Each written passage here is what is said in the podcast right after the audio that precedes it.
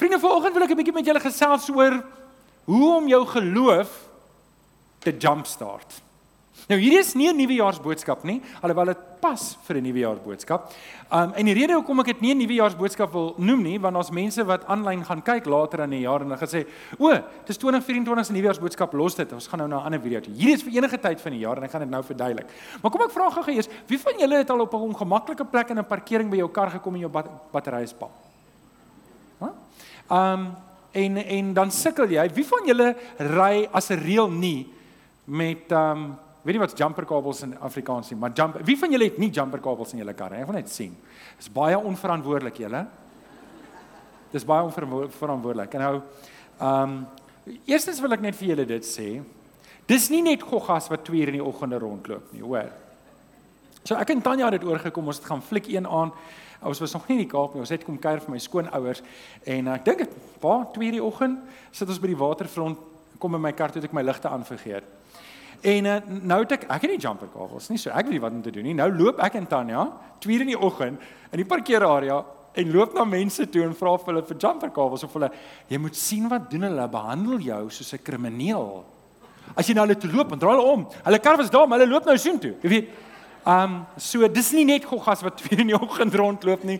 Dis predikante ook soms, hoor. Soms, nie altyd nie, maar soms. So in elk geval, dis om net ietsie snaaks. Volgens wil ek met jou 'n bietjie gesels oor hoe om jou geloof te jumpstart. In Judas 20, ek gaan nou-nou weer die vers lees, maar in Judas 20 lees ons: "Julle geliefdes moet egter voortgaan om julle geloof te bou op julle allerheiligste geloof." So jy moet hierdie ding vanoggend verstaan. Dis jou verantwoordelikheid om seker te maak jy groei geestelik. Nou, ek wil vir jou verantwoordelikheid aanvaar. Ek wil hê en ons probeer alles in hierdie gemeente dat jy geestelik moet groei en dat jy alles in plek is sodat jy naby die Here kan wees. Maar jy moet daai stap neem. Ek moet daai stap neem. Niemand kan geestelike groei met my laat gebeur nie. Dis iets wat binne in my hart gebeur saam met die Here. En, en ek wil hê jy moet dit in gedagte hou vir oggend as as ek praat dat jy weet, hierdie is iets wat binnekant in jou hart gebeur. Iets tussen jou en die Here. Nou, ek dink ek dink mense hou hulle self te besig. 'n Jaar word te vol en te besig. Vir wie was 2000, 2023 net 'n vol jaar gewees? Dit was net 'n vol. Okay, so hier's 'n paar van julle en eh, en die ander, hulle wonder, hulle eers gaan berekeninge maak oor dit. Maar ek dink ons ons doen te veel in die jaar. Ons maak ons jaar heeltemal te vol met allerlei goeders en dan verwag ons te veel van Desember om 'n reset te kry. Om om te sê, okay, ons moet net uithou tot Desember en dan tussen Kersfees en Nuwejaar dan moet alles nou regkom, reg? Nê? Nee? En dan sê hy, "Toe maar, Desember gaan ons 'n bietjie rus." En dan breek Desember aan en dan dan probeer ons baie hard rus. Hm. En dan kom Januarie en dan gaan alles net weer aan. Beleef julle dit ook soms so? En dan dan dan moet ons nou dan sit nou dan, dan wag ons nou vir en julle weet mos wat sê hulle van Januarie? Daar's daar's daar's 90 dae in Januarie wanneer dit kom by die begroting, nê. Nee. Um en so sit ons onsself, ons hou onsself 'n gevangene van die spoed waarteen ons leef. En ek is nie oortuig dis wat die Here vir jou wil hê nie. Ek is nie oortuig dit is hoe jy hoe ek my lewe moet spandeer en hoe ek belê in die koninkryk nie. So vanoggend wil ek 'n bietjie met jou gesels. Kom ons staan net 'n oomblik reg. Kom ons stop net gou eers. En ons stop net eers ons program en ehm um, en en ons dink nou oor ons lewe vorentoe en hoe gaan ons hierdie lewe aanpak? Want sien, ek dink daar's goeders waarmee jy dalk moet losmaak. Daar's goeders wat jy nou doen wat jy elke week doen wat jy dalk moet ophou doen. Dit's goed dalk in jou lewe wat jy moet eerlik wees en sê hierdie ding maak my lewe vol en ek behoort dit nie verder te doen nie. Um dit kan wees dat daar sonde in jou lewe is. Dit kan wees dat daar sonde in jou lewe is waarmee jy moet breek en wat jy vanoggend moet sê, luister, ek loop nou al te lank met hierdie ding wat ek weet voor die Here is reg nie, maar ek hou vas daaraan en dit kos my in my geloof. Dit kos my in my geloof en ek kan nie vorentoe gaan met die Here nie. En en die Here wil vir jou en ek ek glo dit. Die Here gee vir ons die krag om los te breek. Maak nie van wat maak nie saak van wat dit is nie. Amen. Want ons dien 'n groot en 'n sterk God. So dis waar ek vanoggend met jou wil praat. Judas 20. Julle geliefdes moet egter voortgaan om julle geloof te bou op julle Julle moet dit saam sê. Op julle allerheiligste geloof. En nog een wat ek vir jou wil deel. 1 Timoteus 1:19 sê: Hou vas aan jou geloof en behou 'n goeie gewete, omdat sommige hulle gewete onderdruk het, het hulle geloof skibreek gelei. En ek dink nie skibreek lei net uh, is net mense wat hulle geloof weggooi en sê nou glo ek nie meer in die Here nie. Ek dink lou word. Meeste gelowiges word lou in hulle geloof juis as gevolg van hierdie ding. Hulle het ophou belê in hulle geloof, hulle het ophou belê in hulle verhouding met die Here. Hulle geloof het begin skibreek lê en nou is hulle lou. En nou is hulle 'n bootjie wat sonder 'n seil en sonder 'n motor dobber op die see en hulle gaan nêrens heen nie. En dit mag wees. Dit mag wees dat dit is waar jy vanoggend is en dan jy nodig om 'n jump start te kry. Nou, waar kry ons ons antwoorde?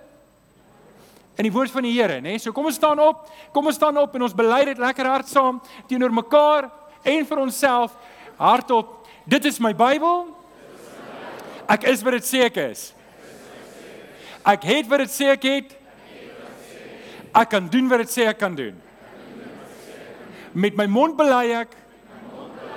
Met my hart glo ek dat Jesus die Here is. Amen. Amen. Jy kan sit en jou Bybel oopmaak by Handelinge 13. Handelinge 13 en ons gaan 'n paar verse lees vanaf vers 1 tot 4. Handelinge 13 vanaf vers 1 tot en hierdie is 'n baie belangrike gedeelte. Om die waarheid te sê, om die waarheid te sê, hierdie gedeelte en hoor julle wat ek probeer doen as ek probeer 'n verwagting skep vir jou. Hierdie gedeelte is eintlik die tweede grootste gedeelte in die hele Nuwe Testament. Tot op oploop van geskiedenis. Die grootste is Jesus wat gekruisig is, opgestaan het en opgevaar het hemel toe. Daai, maar hierdie is hierdie is nos dit het wat ek nou vir julle volgende gaan lees, die grootste impak op die geskiedenis van die wêreld gehad. Het ek 'n verwagting geskep by julle, as julle nuuskierig. Maar eers terwyl julle bly, wil ek vir almal aanlyn welkom sê. En as jy nou kyk en dalk is dit Februarie, dalk is dit Maart, dalk is dit April, want hulle gaan dit later kyk. Nou wil ek hê jy moet weet, hierdie is nie 'n nuwejaarsboodskap nie. Hierdie is 'n re 'n jump start jou geloof boodskap. Maak nie saak waar jy is nie. As jou geloof lou geraak het, is hierdie boodskap vir jou. Um Handelinge 13 vanaf vers 1 tot 4. Nou, ek wil net gou vinnig, hierdie is 'n baie lae gehalte kaart, maar ek moet vir julle die kaart wys dat julle kan sien. So, julle sien Jerusalem is hier onder, nê? Nee? Um en Handelinge 13 speel af in Antiochië. Antiochië en ek gaan nou sommer so vinnig 'n bietjie geskiedenis vir julle gee. So, wat gebeur het? Die gemeente in Jerusalem het eksponensieel gegroei. Dit het ontplof. Eh, elke dag het daar mense tot bekering gekom, priesters en fariseërs en skrifgeleerdes. 'n Klomp mense het tot bekering gekom en die kerk was besig om te groei. En toe, um het het daar 'n insident gebeur dat daar was 'n man met die naam Saulus en Saulus het alles in sy vermoë gedoen om want hy was 'n fariseer om die, in 'n skrifgeleerde. Hy wou die kerk regtig doodmaak. Hierdie ding dat Jesus verkondig word was vir hom 'n onding en en en hy dis dis hy in hierdie prentjie wat hier geteken is. Dis nie 'n foto nie, net as jy gewonder het van maar dis hy wat daar staan en en hierdie ouens wat die klippe gooi. Dis Stefanus daai, dis Stefanus. Hy's die eerste ou wat vir die geloof doodgemaak is. En ehm um, nou net vir julle vinnig sê op die tydlyn waar ons nou is, Jesus is om en by 33 na Christus gekruisig. 33 na Christus. Hierdie gebeur 36 na Christus. 36 binne 3 jaar. Binne 3 jaar het die kerk ont ontplof in Jerusalem. So, maar dit was redelik maar net in Jerusalem en in die omgewing daar area. Hulle was maar net daar rond en dit het, het bietjie uitgebrei. Maar hierdie insident het 'n groot effek gehad want die kerk het gevlug. Toe toe die vervolging eers begin het en en um Stefanus doodgegooi is met klippe, toe stop hulle al wat 'n gelowige is in die tronk en dit en dit raak net druk net hand uit en die gelowige spat. Ek weet nie wie van julle kyk ek kom van die Transvaal af. Jy het 'n vuur aangesteek met petrol. Wie van julle het dit gedoen? Moenie hande opsteek. Dit is baie onverantwoordelik. Maar ek kom van die Transvaal, want dit is wild daar. Willer is die wildheid. Jy gooi 'n bietjie petrol oor die vuur en dan steek hom in die brand en maak dit soos woep. Dis baie bevredigend. Moet dit nie. Kinders, moet dit nie doen nie. Dis lewensgevaarlik. En nou my pa het 'n houertjie gehad en ehm um, toe vat toe die vuur nou half dood lyk, toe dog ek ek gaan ook 'n bietjie oorgooi en daar toe ek so gooi, toe spring die vuur in die bottel in. En ek gooi die bottel. En soos ek die bottel gooi, is dit net petrol oral en alles brand. En en dit was winter. En in die winter is ons gras dood in die Transvaal. Nie soos hier waar dit groen is nie. En is oral nou gaan maar nou is ek bang my pa sien my pa kon hard geslaan het, hoor. So dan gaan spring jy op die goed, maar soos jy spring, spat dit. En is net maar dit raak net erger. Gelukkig het ons gras gesny. So ons sê sulke swart kolle oral waar die petrol geval het. Nou hoekom vertel ek julle hierdie storie? Nie om vir julle te vertel hoe stout ek was nie. Ek vertel vir julle dis wat hier gebeur het. Die evangelie was soos petrol wat aan die brand was en hoe meer hulle dit vervolg het en probeer doodklap het, hoe meer dit gespat en uitgegaan. Nou Antiochië, nou okay, so hierdie vervolging het begin in in 36 na Christus. En en hierdie Antiochië is 480 km noord van Jerusalem. Nou, as jy 'n idee kan kry van hier af waar Beaufort Wes is, dan is dit dan is dit amper amper amper tot by drie susters. Nie heeltemal nie, maar amper tot by drie susters. En hulle het nie met hulle Isuzu bakkie gery nie. Hulle het gepotifar, as jy verstaan wat ek probeer sê. So hulle moes dit loop en omdat hulle vervolg was, dink ek nie hulle het geloop nie. Ek dink hulle het geloop, hoor. Hulle het vinnig geloop, um, want hulle was bang. En en en en so die evangelie versprei. En en op hierdie stadium, so net dat julle moet weet van Antiochië was op daai stadium die hoofstad van Sirië. Nou die moslim geloof het toe nog glad nie bestaan nie. So dit is nou nie ter sprake nie, maar net dat jy 'n idee het waar alles nou is.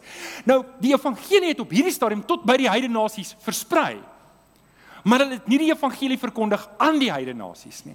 Want in hulle koppe was die evangelie net vir Jode op daai stadium. So maar die evangelie kan nie gekeer word nie. Soos wat hulle toe nou versprei, het mense gevra maar wat maak julle hier? Nee, ons kom van Jerusalem af. Nou maar wat het in Jerusalem gebeur dat julle nou almal hier is? Want onthou nou in Antiochië, is nie nou skielik 'n klomp Jode wat nooit daar was nie. En die Jode, veral die wat in Jerusalem gebly het, is maar 'n trotse spul mense gewees. En nou alhoewel hulle tot bekering gekom het en gelowiges is, is hulle nou hier en dit is vir hulle vreemd. Wat maak julle hier? Nee, ons is weggejaag en ons mense word doodgemaak en in tronke gestop. Maar nou okay, vir wat is dit? Nee, want ons glo in Jesus. Nou wat het wat is die storie met Jesus? So so het hulle onwillekeurig die evangelie versprei. En wat hulle toe nie geweet het nie, is dat die Heilige Gees daai mense gaan oortuig dat hierdie Jesus wat hulle van praat is die Jesus wat hulle nodig het. En dan kom hulle tot bekering. En dit is wat gaan nie aan? Die heidene is besig om tot bekering te kom en en dis ek is baie opgewonde hier, hoor julle. Ek wil jou ook opgewonde maak. So Dit was 'n hele die mekaar spel. En die kerk het so vinnig in Antiochië gegroei dat die kerk in Antiochië waarskynlik in 44 na Christus groter was as die gemeente in Jerusalem. Nou die Bybel sê net dat aansienlike klomp mense tot bekering gekom. Nou hoekom ek sê dis waarskynlik groter is want in Jerusalem het hulle gesê dat 4000 mense tot bekering gekom. Hier het hulle gesê aansienlike klomp mense. Wat vir my sê, luister, ek kan tot by 4000 tel. Ek kan nie meer as dit tel nie. So nou sê ek net aansienlik meer. Verstaan julle? So dit was 'n groot gemeente en daar was baie hoë ehm um, leiers van die kerk daar gewees. So okay, is almal nou want ek gaan nou ek gaan nou Handelinge 13 lees en ehm um, ek wil julle moet nou weet, is almal nou by waar ek nou is? Julle moes my nou nie verloor het in die detail nie. Ek wil net as ons hierdie verse lees want dit is so 'n groot oomblik, maar jy moet tussen die lyne lees in die verse en ek wil nie jy moet dit mis nie. Is julle almal by? Kan ek aangaan? Hierdie gemeente het toe 'n groot vergadering gehad. En dis waar die eerste sendingreis van begin het. Nou voordat ek enigiets sê, moet ek eers vir julle sê Paulus wat op hierdie stadium Saulus was, ek sal nou ietsie daaroor sê, was toe nog maar eintlik net 'n bekeerde skrifgeleerde. Hy was eintlik nog niemand nie. Hy het 3 jaar terug tot bekering gekom en hy is hier in die gemeente en hy's aan die brand vir die Here en as iemand bid, is hy saam en hy bid saam. So die leiers het hom ingetrek, maar eintlik het hy nog niks gedoen nie. Hy het 'n bietjie gepreek, 'n bietjie dit gedoen, bietjie dat gedoen, maar niks noemenswaardig nie. Is julle by? So kom ons lees saam. Handelinge 13 vanaf vers 1 tot 4. Die eerste sendingreis Barnabas en Saulus word uitgestuur. So vers 1, onder die profete en die leraars in die gemeente in Antiochië was Barnabas, Simeon wat ook Niger genoem is, Lucius van Cyrene, uh Manaen, hoop ek ek spreek reg uit, wat saam met die heerser Herodes groot geword het. En kom ons voeg maar net Saulus se naam by want hy is ook daar gewees. Nou, die rede hoekom Lukas name noem Hy wil vir jou twee punte duidelik maak. Hy wil vir jou wys daar's 'n geskied geskiedkundige punt. Daar was mense. Altyd as jy mense se name lees, dan moet jy weet, hulle probeer vir jou sê jy moet glad nie onduidelikheid hê dat hierdie ding het werklik gebeur nie. Maar hulle sal ook nie net name noem nie. Hulle gaan nie net noem Janie Pietie Koos nie. Hulle noem die leiers se name daar om te weet, die mense in daai tyd het hierdie name geken. Barnabas. Nou ons weet ook van Barnabas. Simeon wat ook Niger genoem is, Lucius van Cyrene. Hierdie hier is mense gewees wat leiding geneem het en en ek bedoel as ons nou vandag was en name gebruik wat julle ken soos gesê. Hoorie, ek wil net vir julle sê daar was 'n vergadering gehou en Rickert Botha was daar gewees en en wie kan ons nog noem? Ehm um, ehm um, Oh, Johan Delfort, dankie. Nee, hy sal nie by die en Saulus wees op daai stadium. Um so dit was dit was 'n belangrike vergadering en Lukas meld dit en hy gaan aan toe hulle op 'n keer bymekaar was om die Here te dien en ook om te te vas. Het die Heilige Gees gesê vir die leiers: "Sonder Barnabas en Saulus vir my af om die werk te doen waarvoor hulle geroep is. Nou, kom ek sê dit gaan eers oor Saulus ietsie want jy wonder dalk hoekom word Saulus genoem in die volgende hoofstuk praat hulle van Paulus. En dit kan dalk vir jou verwarrend wees. Die Here het nie Saulus se naam verander na Paulus soos wat die Here Abraham se naam verander het na Abraham nie. Dit dis nie wat gebeur het nie. In die in jy moet verstaan, nou vir ons Europeërs, want ons is eintlik Europeërs en en ons taal Afrikaans stam maar eintlik van Nederlands af. Vergewe my as ek die geskiedenis so bietjie de mekaar het. Maar so Afrika tale klink vir ons moeilik. Stem julle saam? So wanneer ons te doen het met 'n shabalala manchimang en dan en ons begin dit uitspreek, dan begin ons tonge knoop op maniere wat ons nie eintlik anders kan nie. En dis net omdat ons nie gewoond is aan die taal nie. Verstaan jy? Dis niks met dis niks met rasse te doen nie. Dit het te doen met taal en en opvoeding. Ons is nie so opgevoed nie. En net so moet julle verstaan, Hebreërs, die Hebreëse taal is baie anders as die Griekse taal. Net om vir julle te sê hoe verander hoe anders is dit is wanneer jy die Hebreëse Bybel oopmaak, begin jy van die agterkant af jy lees van regs na links. Ons lees van links na regs. Hulle letters lyk like anders. Hulle het nie vokale in hulle um in hulle konsonante soos wat ons het, weet wat ons sê a e u.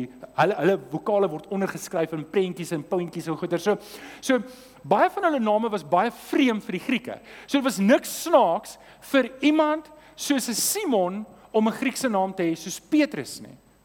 Simon is Petrus en dis hoekom ons baie in die Nuwe Testament lees Simon Petrus. Sy naam het nie verander nie. Hy het twee name gehad reg van die begin af. Simon sy Hebreëse naam en Petrus sy Griekse naam. En net so het Paulus ook twee name gehad. Hy het die naam uh, Saulus gehad wat vir Grieks was want elke keer as jy US aan iets hoor, weet jy dis 'n manlike vorm. So hy kom eintlik van Saul af. Saul was sy Hebreëse naam en dan Paulus was sy Griekse naam. OK, is dit reg? Is almal by? Sommige bietjie inligting nie baie werd is nie, maar nou weet jy dit ook. So kyk, die Heilige Gees het toe gesê sonder Barnabas en Saulus vir my af. Nadat die gemeente gevas, so ek wag wag wag wag, ek het nou te vinnig gegaan. Wie het hier gevas en gebid? Die leiers, reg? Onthou julle. Nou het hulle dit na die gemeente toe gevat, na die gemeente ge en het hulle die hande opgelê en die gemeente het hulle laat gaan. En nou, hier's die vers, hier's die vers. So is Barnabas en Saulus deur die Heilige Gees gestuur. Hulle het na Seleukië toe gegaan en daarvan dan na Siprus toe en hulle het verder opgevaar met hulle skytjie. Het ek 'n hoë verwagting geskep en eintlik staan daar niks nie, nê. Nee. Hierdie is wat die wêreld verander het. Naas Jesus se kruisdood, opstanding en hemelvaart is hierdie die grootste gebeurtenis in ons geskiedenis tot op datum dit het die wêreld verander. Dit het gemaak dat oor 3 biljoen mense op aarde ten minste identifiseer as Christene. En en ek gebruik hierdie as my basisteks om te sê, julle ouens, dis dieselfde Heilige Gees wat vir Barnabas en Saulus uitgesoek het om hierdie werk te doen, is wat vandag in jou hart werk. Kan iemand amen sê daarop? En as jy vanoggend hier sit en 2023 was 'n jaar wat jy net kop bo water probeer hou het en jou geloof is maar eintlik 'n sy saak het gesê luister ons sal volgende jaar weer probeer. Kom ons kom net hier hierdie jaar. Dan wil ek jou vanoggend uitdaag om te sê die Heilige Gees wil iets spesiaals in jou lewe en om jou lewe doen en ek wil vir jou vra, wil jy deel wees van iets groter? Kan iemand naam en sê daarop? Amen. Want dan moet ons ons geloof 'n bietjie jumpstart. Nou ek wil hê jy moet 'n verwagting in jou hart ontwikkel. Jy moet 'n heilige ontevredenheid hê met die status quo in jou lewe om te sê, nee, ek wil meer van die Here in my lewe hê. Ek wil meer van die Here in my lewe ervaar en ek wil meer gehoorsaam wees aan hom. En ek wil nie my eie koninkryk op hierdie aarde bou nie. Ek wil God se koninkryk bou. Wie's in? Amen. Amen. Wonderlik. So kom ons spring weg. Hoe jumpstart ek my geloof as jy reg is? Daar op jou raamwerk jy kan dit skryf. Nommer 1. Hoe jy dit doen is raak ontslaaf van jou laste. Raak ontslaaf van jou laste. Raak ontslaaf van die goed wat jou terughou om die Here voluit te dien. Ons het Hebreërs 12 vers 1 tot 2 'n paar keer gedoen hierdie jaar, maar hy's weer van toepassing. Die Hebreërskrywer sê terwyl ons dan so groot skare geloofsgetuies rondom ons het, um laat ons um jammer, laat ek net weer begin. Terwyl ons dan so groot skare geloofsgetuies rondom ons het, laat ons elke las van ons afgooi, ook die sonde wat ons maklik verstrik en laat ons die wedloop wat vir ons voorlê met volharding hardloop. Die oog gefestig op Jesus, die begin en die volëinder van ons geloof. Nou, toe ek die vorige keer oor hierdie vers gepraat het, het ek hierdie uitgehaal en ek wil dit weer vanoggend uithaal om vir jou te wys dat ons moet elke las ons moet elke las afgooi en ook die sonde. So dis twee verskillende goed waarvan hier gepraat word en en ek wil net daarop aandag vestig. Ek wil jou vanoggend vra, dink gou oor jou lewe en ek moet dink oor my lewe. Wat weerhou jou op hierdie oomblik om voluit vir die Here te lewe.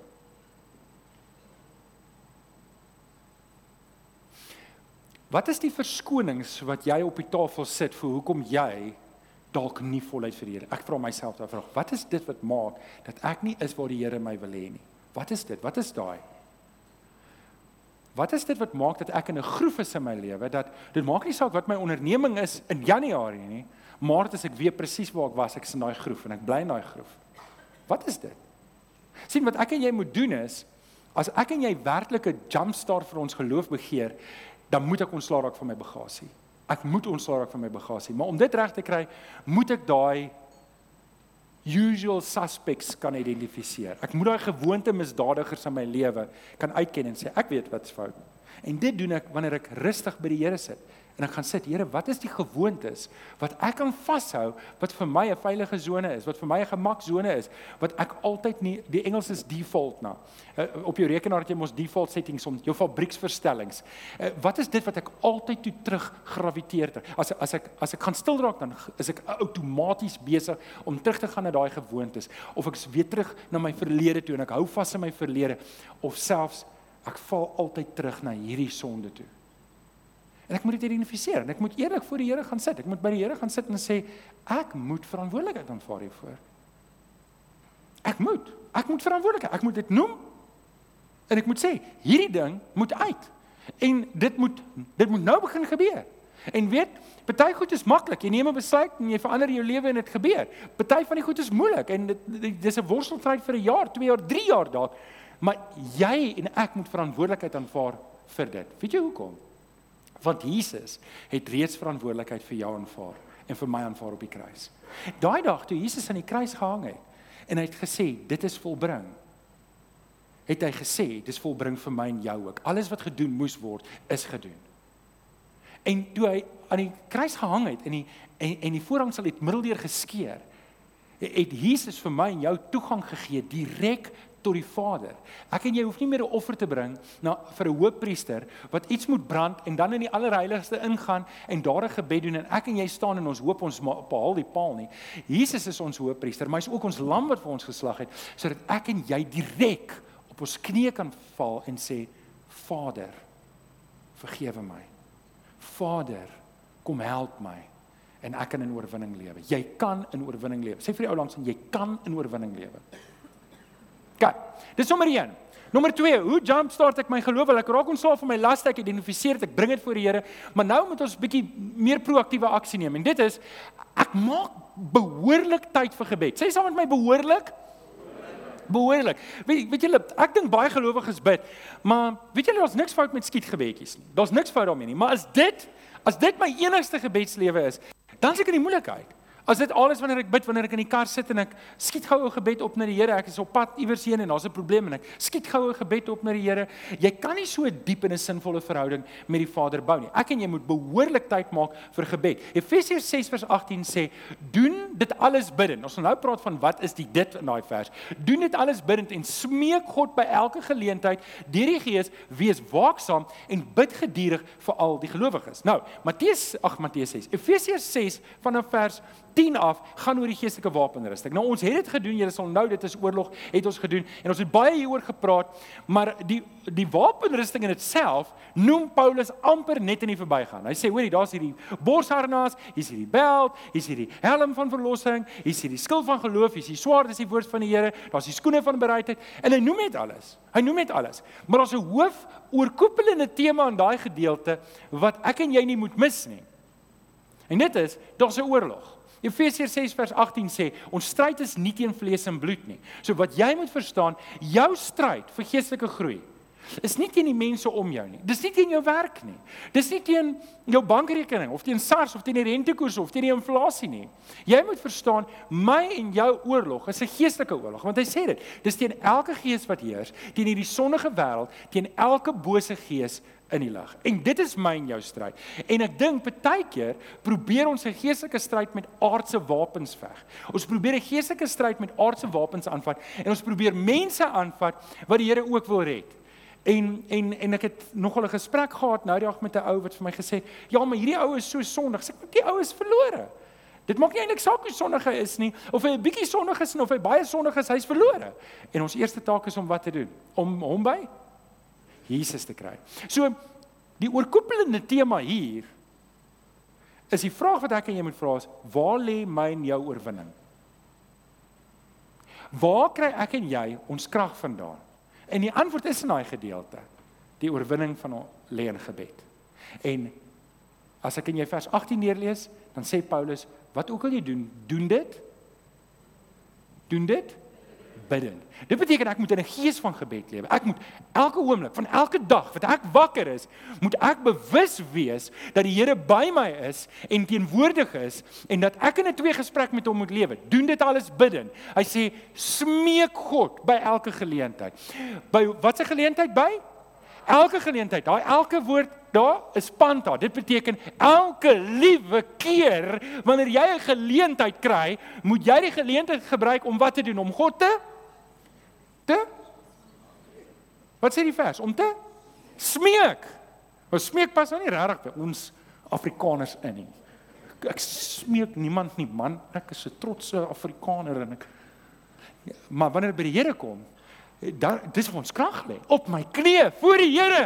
Here asseblief Geef ons oorwinning. Here asseblief. En julle nou praat ek nie sommer net van gewone goed nie. Luister, jou werk is in die Here se hande. Mag jy bid oor jou werk? Natuurlik bid oor jou werk. Mag jy bid oor jou finansies? Ja, bid oor jou finansies. Maar julle, eintlik is hierdie ding.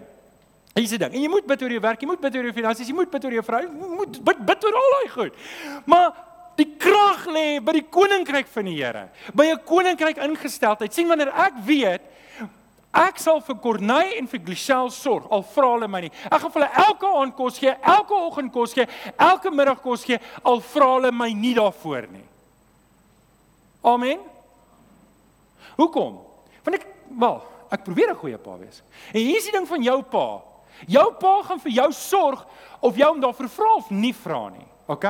Daarom kan jou aandag op die koninkryk van God gefokus wees. Soek allereers die koninkryk van God. Al die ander dinge sal vir jou gegee word. Ek en jy moet lewe in daai oorwinning en daai gemoedsrus dat my fokus is nie my tekortkominge nie, my fokus is God se koninkryk. Julle stil. Julle moes ook gesê amen. OK. Bid ook vir my sê Paulus. Bid vir my, bid vir die werkers. Hy sê bid vir my vir vrymoedigheid wanneer ek die woord so so sien julle daar's 'n groot oor hierdie wapenrusting is daar 'n groot oorkoepelende tema van gebed. Dis waar ons ons krag lê. As ons 'n gemeente van krag wil hê, moet ons 'n gemeente wees wat bid. Efesiërs 6 vers 10. Soek julle krag in die Here en in sy groot mag. Soek julle Jakobus 5 vers 16. Die gebed van 'n gelowige het 'n kragtige uitwerking. Dinamos, dit het, dit het plofkrag. Jakobus 4:2 sê, julle het nie want julle bid nie. Julle wel, die vertaling sê vra nie. So kom ek vra vir jou, is jou geestelike batterye 'n bietjie pap? OK, hierdie tyd van die jaar voel ons mos almal 'n klein bietjie meer wakker en daar's 'n bietjie 'n opflikkering in ons emosie en ons is 'n bietjie lus vir die jaar, maar baie keer hier by einde Februarie dan vis dit uit, nê. Nee. Maar as dit is wie jy is, dan wil ek julle vra. Kan ons nie 2024 'n jaar maak van gebed nie? Kan ons dit nie 'n jaar maak waar ons ernstig sê ons gaan bid? Ek gaan bid in my kamer, in my privaatheid. Ek gaan elke geleentheid gryp wat ek het om te bid. Maar ek gaan ook tyd maak om saam met Peer en om Willem te kom bid. En ek wil jou mooi vra. Nou, ek weet, ek weet dis nie almal se ding om hier te kom sit en bid nie, maar ek wil jou vra. Wil jy nie een keer in die volgende 6 maande kom saam bid nie? Een keer. Kom aan, ek vra jou vir een keer. Julle is te stil. Kom aan, wie wie sê wie sê ek sal dit een keer kom doen? Ek sal dit een keer kom doen. OK? sien julle ek sê druk op julle. Dan hande gaan vinnig af. En die res van julle? Twee keer. OK, wie gaan twee keer kom? Dankie Peer. Dankie Peer. Maar kom ek ek kom pleit by julle. Ek kom pleit by julle. Ek smeek julle vir oggend. Want weet julle wat? Hoor mooi. Hoor mooi.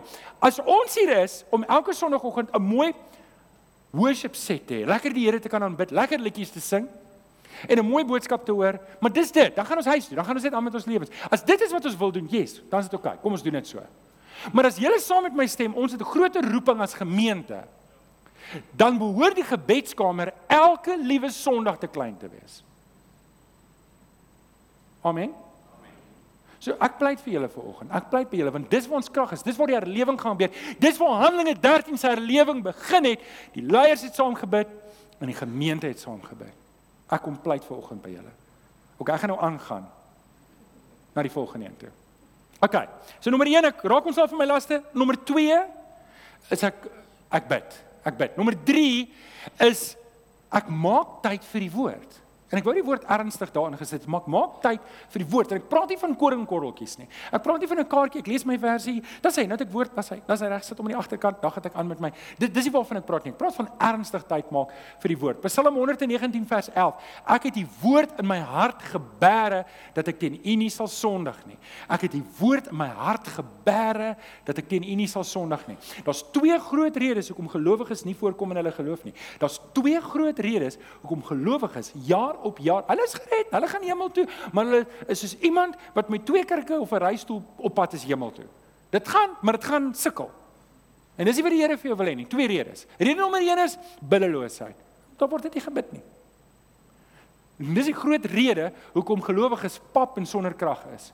En die tweede groot rede is hulle is nie in die woord nie. En dis die groot rede hoekom gelowiges so onderhandel met sonde. Dis hoekom kerke vandag net sê wel, wie sê ek om te oordeel? Of sonde kan maar net gaan, enigiets gaan. Ons oordeel niemand nie. Ons ons moet net almal lief hê. En en dis dis 'n resultaat van om los van die woord te lewe. En ek en jy moet versigtig wees. Dis hoekom geloof. As ek en jy hier sit en ek sê ek begeer 'n dieper verhouding met die Here. Wie van julle sê vanoggend ek begeer 'n dieper verhouding met die Here? Regtig begeer 'n dieper verhouding. Da, en en ek begeer om in oorwinning te leef. As as dit is dat ek sê, hoor hierdie ou gewoontes, hierdie ou maniere, hierdie ou sonde, hierdie ou dinge wat in my lewe gebeur het, ek wil breek daarmee, ek wil met oorwinning lewe, dan moet ek weet, die antwoord is ek moet ernstiger word met my gebedstyd en ek moet ernstiger word met my woord moet ernstiger word. Dit moet 'n effek hê op my lewe.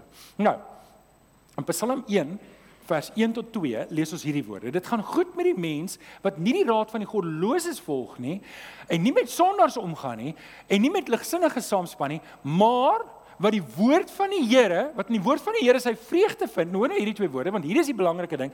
Dit dag en nag oordink. Dit gaan goed met daai mens. Nou die volgende vers wat ek nou nie in nie, sê hy is soos 'n boom wat geplant is by waterstrome wat op die regte tyd sy vrugte bring en sy blare verwelk nie.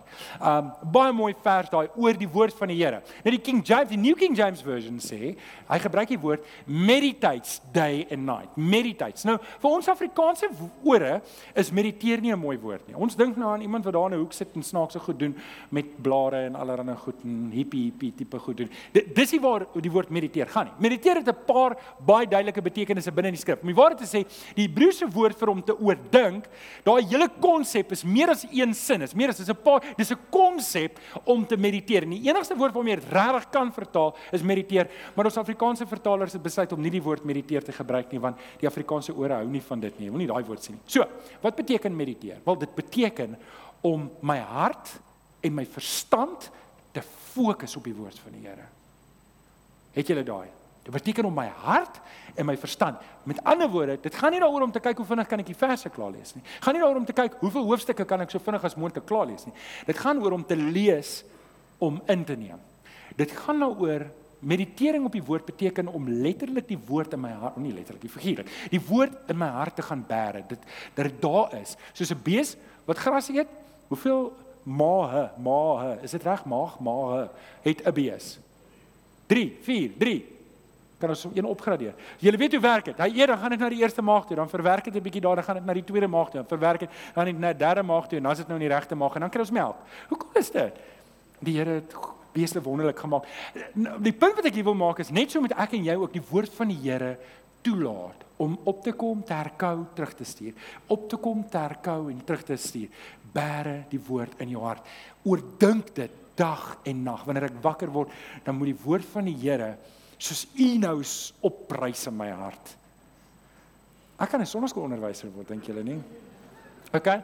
Ek ek moet ek moet ook dan deel van meditering is om my my eie gedagtes hierdie kant te ondersoek en te kyk en te sien wat gaan in my hart aan? Wat gaan in my verstand aan? En hoe vergelyk dit met die woord van die Here? En wat wat moenie hier wees nie? Want sien wat ons baie keer doen is dan maak ek verskonings hierdie kant sê ja, maar hierdie is dalk 'n bietjie oud. Ja, hierdie is dalk 'n bietjie ja, okay, okay. Ek gaan nie verder lees nie want nou laat my te sleg voel. Nee, nee, nee, nee. Ek gaan terug met die woord van die Here en ek kyk. Hierdie goed wat in my hart en my verstand aangaan. Wat gaan nie aan? Hoekom is dit hier? Ek kan nie huurders in my verstand toelaat wat nie huur betaal nie. Hulle moet uit. Hulle moet uit. Hierdie goeders is sleg vir my. Dis gif. Dit moet uit. OK. En dan leef ek dit. En dis hoekom baie mense nie die woord van die Here kan leef nie want hulle mediteer dit nie. Deur om dit net te lees is nie genoeg nie. Ek moet dit absorbeer. En dis waar meditering inkom. En dit gebeur doelbewus. Dit gebeur nie per ongeluk nie. Ek kan nie 'n koringkorrel elke dag vir die res van my lewe leef en dink dit gaan 'n effek hê nie. Dit gaan nie.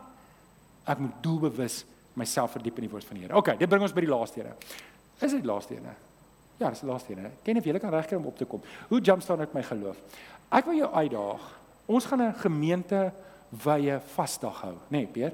Ons gaan 'n gemeente wye vasdag hou. Matteus 9 vers 15. Gebeur 'n interessante ding. En nou julle onthou Jesus het vir 40 dae en 40 nagte gevas. Julle onthou dit. Hy het in die woestyn uitgekom. Hy was toe versoek. In die woestyn was hy versoek en toe het hy uitgekom en toe sy disippels begin kies. Maar sy disippels het nie gevas nie. Sy disippels het nooit gevas nie. Johannes die Doper se disippels kom toe na die Here toe en vra toe vir die Here, "Maar Here, hoekom hoekom vas Johannes se disippels, maar u disippels vas nie? Ho hoekom word hulle gevry waarvan vas? Maar maar en Jesus antwoord, "Kan nie bruilofsgaste dan treur solank die bruidegom nog by hulle is?" Met ander woorde wat Jesus eintlik vir die disippels sê, luister, die bruidegom, wie is die bruidegom hier? Is Jesus. Is by die gaste. Jy gaan nie na 'n troue toe en dan vas jy nie. Dis nie bruid nie, stem julle saam? Nee, jy jy beplan jou vasdag op 'n ander dag. En dis wat Jesus hier sê. Dit was ook 'n gebruik in daai tyd. Jy reël nie vasdag wanneer daar 'n huwelik is nie, dan vier jy, jy's bly. OK? Hy sê maar daar kom 'n tyd wanneer die bruidegom van hulle weggeneem sal word. En dit het gebeur en dan sal hulle vas. OK? So, ek dink, ek dink vandag is die kerk nie bang om te vas nie lus om te vas nie en dink net nie dis nodig nie. Dink net nie dis nodig nie. En ek dink die groot rede as ek nou nie vir julle verskonings hy dink nie maar vir my 'n verskoning hy dink ek hou net nie daarvan om honger te wees nie. Dis hoekom ek sukkel om gewig te verloor want ek het 'n kondisie. Ek word honger. Het julle ook daai kondisie Um en veral na Kerstyd. Ja, ons het so lekker geëet die laaste tyd. Wie wil nou dink aan vas in hierdie tyd? Maar hier's die ding. Ons het in in Handelinge 13 gelees. Die leiers het gebid en gevas. Toe het hulle na die gemeente toe gekom en hulle het gebid en gevas. En en die bom het gebars. Die bom het gebars. So kom ek kom ek vat julle net vinnig terug na die Nuwe Testament. Nou nou Peer gaan meer met ons praat oor tyd daaroor en ek uh, hou die hou die spasie dop. Um eerstens moet ons weet Jesus het gevas. Stem almal saam daarmee. Ek gaan julle nou oortuig dat jy moet vas, okay? As jy behalwe as jy mediese kondisie het, dan moet jy met jou dokter praat. Maar as jy nie 'n mediese kondisie het nie, het jy nie 'n verskoning nie. Okay, almal word honger. So, Jesus het gevas. Is almal saam met dit? Jesus het gevas. Okay? Um julle weet dat Jesus ons al daai vers lees. Jesus het gesê sy disippels sal vas. Gesê die bruidegom gaan wegvat en dan gaan hulle vas. Nou Daai verwys nie na die hemel nie. Niemand gaan vas in die hemel nie. Dit verwys hier na aarde. Is almal saam met dit? Stem julle saam dat Jesus gesê dat die disippels gaan vas? OK? Ons het geleer, Jesus het geleer om te vas. In Matteus 6 sê Jesus, "En as julle vas, Jesus aanvaar daar gaan gevas word. As julle vas, hier sou julle gaan vas. Jesus het ons geleer hoe om te vas. So, die disippels en die apostels het gevas, het julle dit geweet. Ons gesien in Handelinge 13 het ons gelees en die leiers waarvan Paulus deel was, het gevas. En toe het ons geleer en die gemeente het toe ook gevas. Dit het ons in ons primêre teks gehad vanoggend in Handelinge 13. Het julle dit gesien? Kan iemand sê, "Mm"? OK, so Wat beteken dit? Jy julle is skerp. As hierdie eksamens was, het julle nou almal 100% gekry. OK, so ons behoort te vas. Ons behoort te vas. Handelinge 13 vers 3. Nadat die gemeente gevas en hulle die hande opgelê het vir Barnabas en Saulus, ehm uh, Paulus, Saulus, het, het die gemeente hulle laat gaan. En wat het toe gebeur? Wat het toe gebeur?